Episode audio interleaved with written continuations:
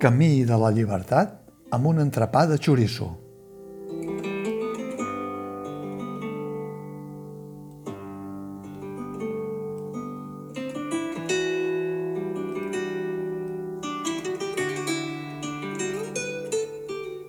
Si la minissèrie que es va presentar al Festival de Sant Sebastià i que va estrenar Movistar Plus amb el títol de Fàcil parteix de la mateixa novel·la que parteix l'obra teatral Lectura Fàcil, títol homònim de l'escriptora andalusa establerta a Catalunya Cristina Morales, cal dir d'entrada que les dues adaptacions s'assemblen com un ou a una castanya.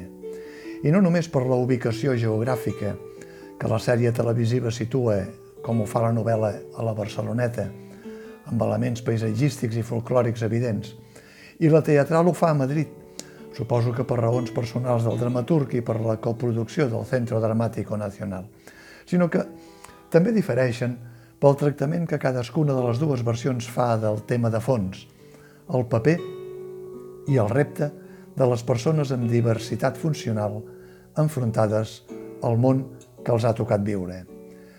Sí que el rerefons de l'obra teatral i la minissèrie és el mateix, però la lectura que fa cadascun dels dos registres, audiovisual i teatral, és totalment diferent. Per alguna cosa deu ser que l'autora de la novel·la, Cristina Morales, se sent més representada amb l'obra teatral que no pas amb la minissèrie.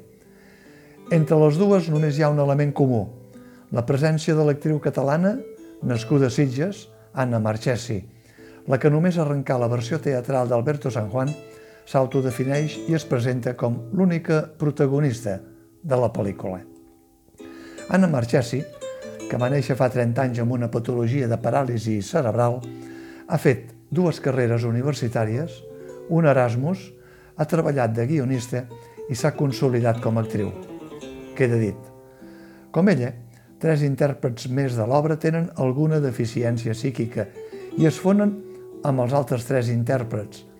El gremi els anomena normatius, en un muntatge que és un crit d'alerta contra la discriminació i també un crit d'esperança per la llibertat individual de totes les persones, sigui quina sigui la seva condició, en una lluita constant contra el sistema, el social, el judicial, el dels prejudicis i les etiquetes.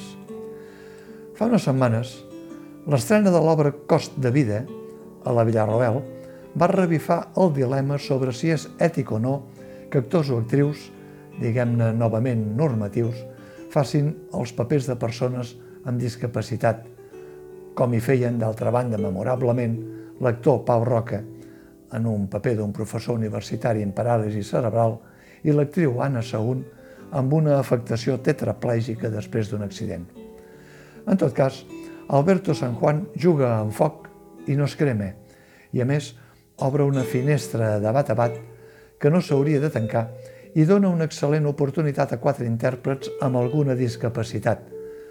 També tenen paràlisi cerebral l'actriu Desiree Cascales i els actors Marcos Mayo i Pablo Sánchez.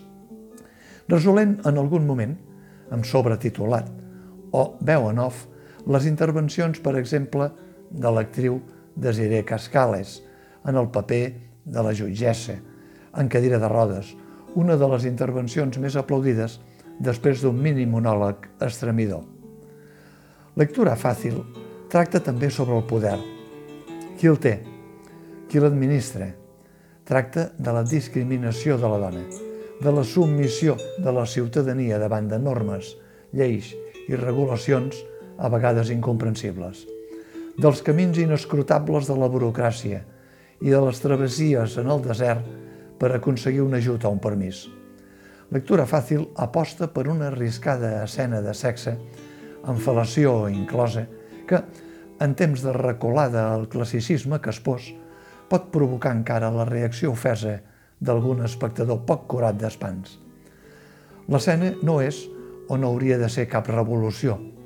Fa força anys, a pocs metres del Teatre Lliure, a l'altra banda de la plaça Margarida Xirgo, dins del Mercat de les Flors, l'aleshores jove director Roger Bernat també va provocar l'establishment local amb una escena de sexe en viu que, en alguns casos, va congregar algun espectador repetidor en més d'una funció. Ara, en l'era del porno desbocat a internet, la provocació i el morbo afegit no provoquen segurament el mateix efecte.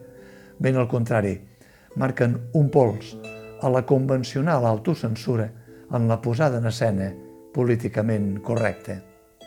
El rerefons de l'obra Lectura fàcil es basa en quatre noies, les representen Estefania de los Santos, Anna Marchesi, Carlota Gaviño i Pilar Gómez, totes parentes pròximes en la ficció, que viuen plegades en un pis tutelat fins que una d'elles decideix fugir i ocupar un habitatge. Hi ha un procés d'esterilització d'una de les noies i les altres han de declarar davant de les jutgesses sobre com viuen i com es relacionen les unes amb les altres.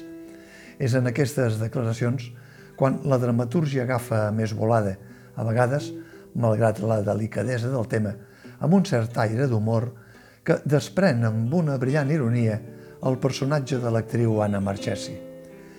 La interpretació és coral, sensible i mesurada a la vegada, sorprèn que algunes de les reaccions dels personatges, pròpies de la seva diversitat eh, funcional, provoquin a vegades somriures discrets en bona part de la platea. El dramaturg i director Alberto San Juan ha reduït més de 400 pàgines de l'original a una dramatúrgia d'una cinquantena de pàgines i ha afegit alguns minimonòlegs, accents en la novel·la, per acabar de relligar la seva versió lliure de lectura fàcil. Una hora i tres quarts d'una obra singular que la nit d'estrena a Montjuïc es va veure afectada per una interrupció a causa d'una fallada tècnica elèctrica, superada amb professionalitat per la companyia i amb resignació pels espectadors, com si esperessin aparcats en un comboi de Renfe, i que van tenir l'oportunitat d'assistir a una mena d'assaig general o work in progress de propina. Això sí, sense entrepà de xoriço, com els entrepans que es cruspeixen quan s'envolen camí de la llibertat les quatre protagonistes de lectura fàcil.